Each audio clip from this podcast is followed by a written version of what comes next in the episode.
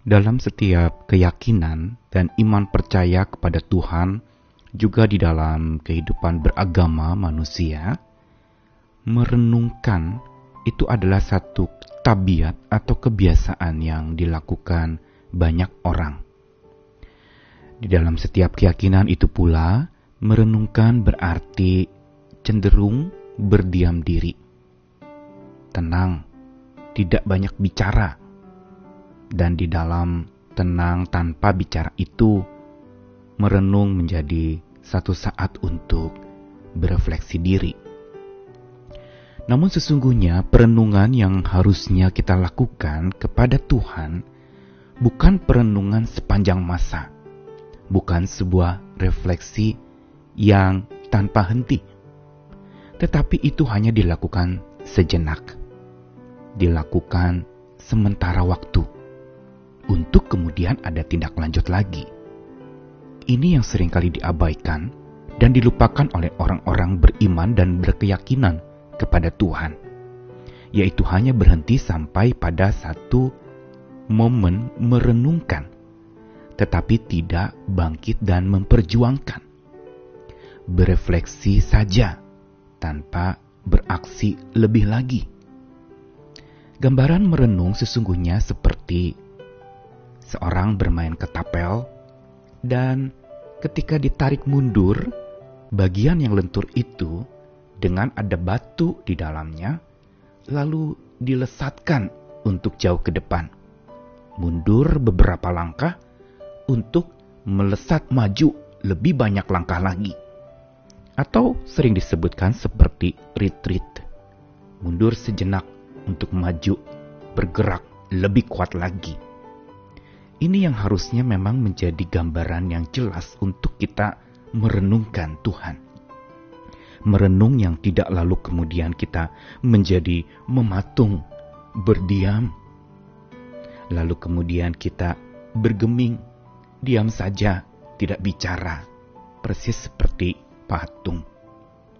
Karena itu bangkitlah dan mari kita bersama-sama memahami bahwa merenung bukan mematung.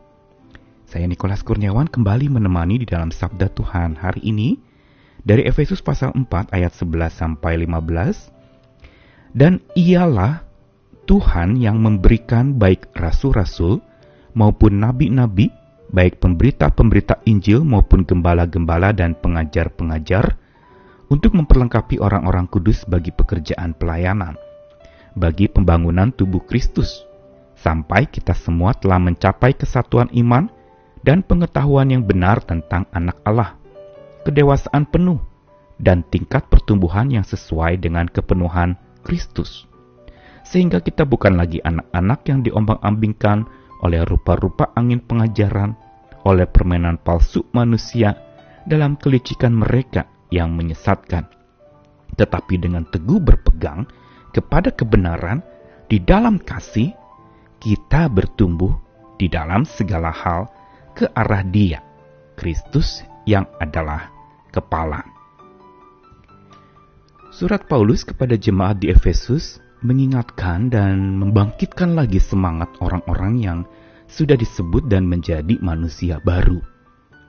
Bahwa seorang manusia baru yang sudah hidupnya berkiblat kepada Tuhan, beribadah dan bersekutu dengan Tuhan, harusnya memang ada sebuah progresivitas atau ada sebuah kemajuan lebih lanjut lagi yang tidak hanya berhenti di satu titik. Terus menjadi pribadi yang makin baik, makin berbenah diri, dan makin dibenahi Tuhan, dan makin menjadi dewasa. Sehingga digambarkan di sini dalam sebuah rangkaian satu kalimat yang panjang mulai dari ayat 11 sampai 15 ini sebenarnya satu kalimat yang nyambung dikatakan bahwa Tuhanlah yang memberikan kita segala karunia-karunia yang dibutuhkan. Dan itu semua dalam rangka bukan semata kita untuk menikmatinya, tetapi untuk memperlengkapi kita bagi pekerjaan pelayanan, bagi pembangunan tubuh Tuhan, sampai kita semua mencapai kesatuan iman dan pengetahuan yang benar Bagian ini ingin memberitahukan kepada kita bahwa di dalam kehidupan iman percaya kita, kita bukan sekedar menerima anugerah, bukan sekedar menerima karunia-karunia yang diperlukan di dalam kehidupan kita. Tetapi selanjutnya adalah kita diperlengkapi. Kenapa diperlengkapi? Diperlengkapi bukan untuk supaya kita hidupnya lengkap, menjadi sempurna, bukan, tapi ada satu tindak lanjut lagi, yaitu diperlengkapi untuk bekerja. Bukankah dikatakan tadi, Tuhan memperlengkapi kita bagi pekerjaan pelayanannya, bagi pembangunan tubuhnya. Berarti ada pekerjaan, ada pembangunan. Kita harus bekerja dan kita harus membangun. Inilah sebenarnya satu bagian yang lengkap di dalam karya renungan kita, yaitu merenung bukan sepanjang masa, bukan selalu, karena kalau renung saja, jangan-jangan kita menjadi ditenung oleh sikap merenung kita. Kita mungkin bisa menangisi keadaan kita tenggelam di dalam duka, tenggelam di dalam kabung yang begitu berkepanjangan dan kita tidak mau keluar lagi dari situ. Merenung yang seperti itu adalah merenung yang sesungguhnya mematikan, membuat kita menjadi seperti patung, membuat kita menjadi seperti orang yang bergeming, diam saja, tidak melakukan apa-apa. Tetapi merenung yang benar dari ayat ini ingin dikatakan bahwa itu adalah sebuah momen di mana sejenak kita berhening. Sejenak kita hening, sejenak, bukan selamanya hening. Ada saat untuk bicara, ada saat untuk berdiam diri.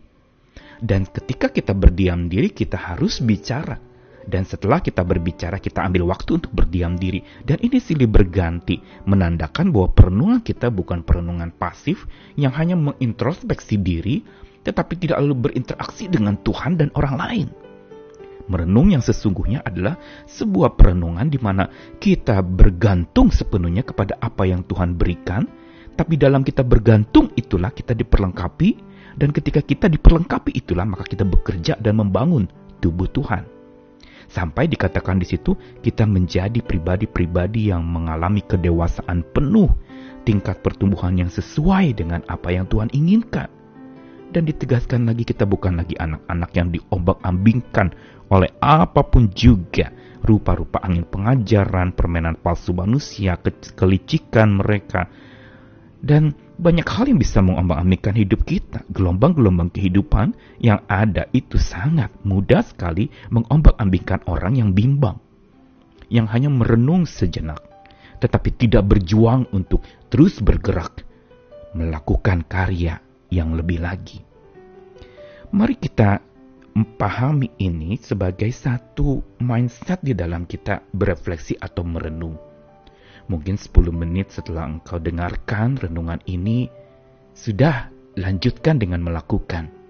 Jangan hanya berhenti merenung lalu menikmati, merasa enak kedengarannya, menyukai kata-katanya. Tetapi bangkitlah berkata-kata kepada banyak orang. Karena merenung memang bukan mematung, tetapi berhening agar kita bergantung kepada Tuhan, supaya hati kita menjadi bening, dibersihkan, segala salah kita mohon ampun, kita minta dibereskan di hadapan Tuhan dan kita pulih kembali. Itulah yang namanya hati jadi bening, dibersihkan oleh perenungan kita yang sejenak kita lakukan, oleh hening kita yang sejenak kita kerjakan. Dan dampaknya kalau hati kita bening, kita tidak akan mudah tercoreng oleh kotoran-kotoran masalah di sekitar kita kita tidak mudah terombak-ambing pula oleh berbagai macam angin-angin pengajaran atau berita-berita palsu, berita-berita yang belum tentu benar yang sering kali menggoncangkan iman kita.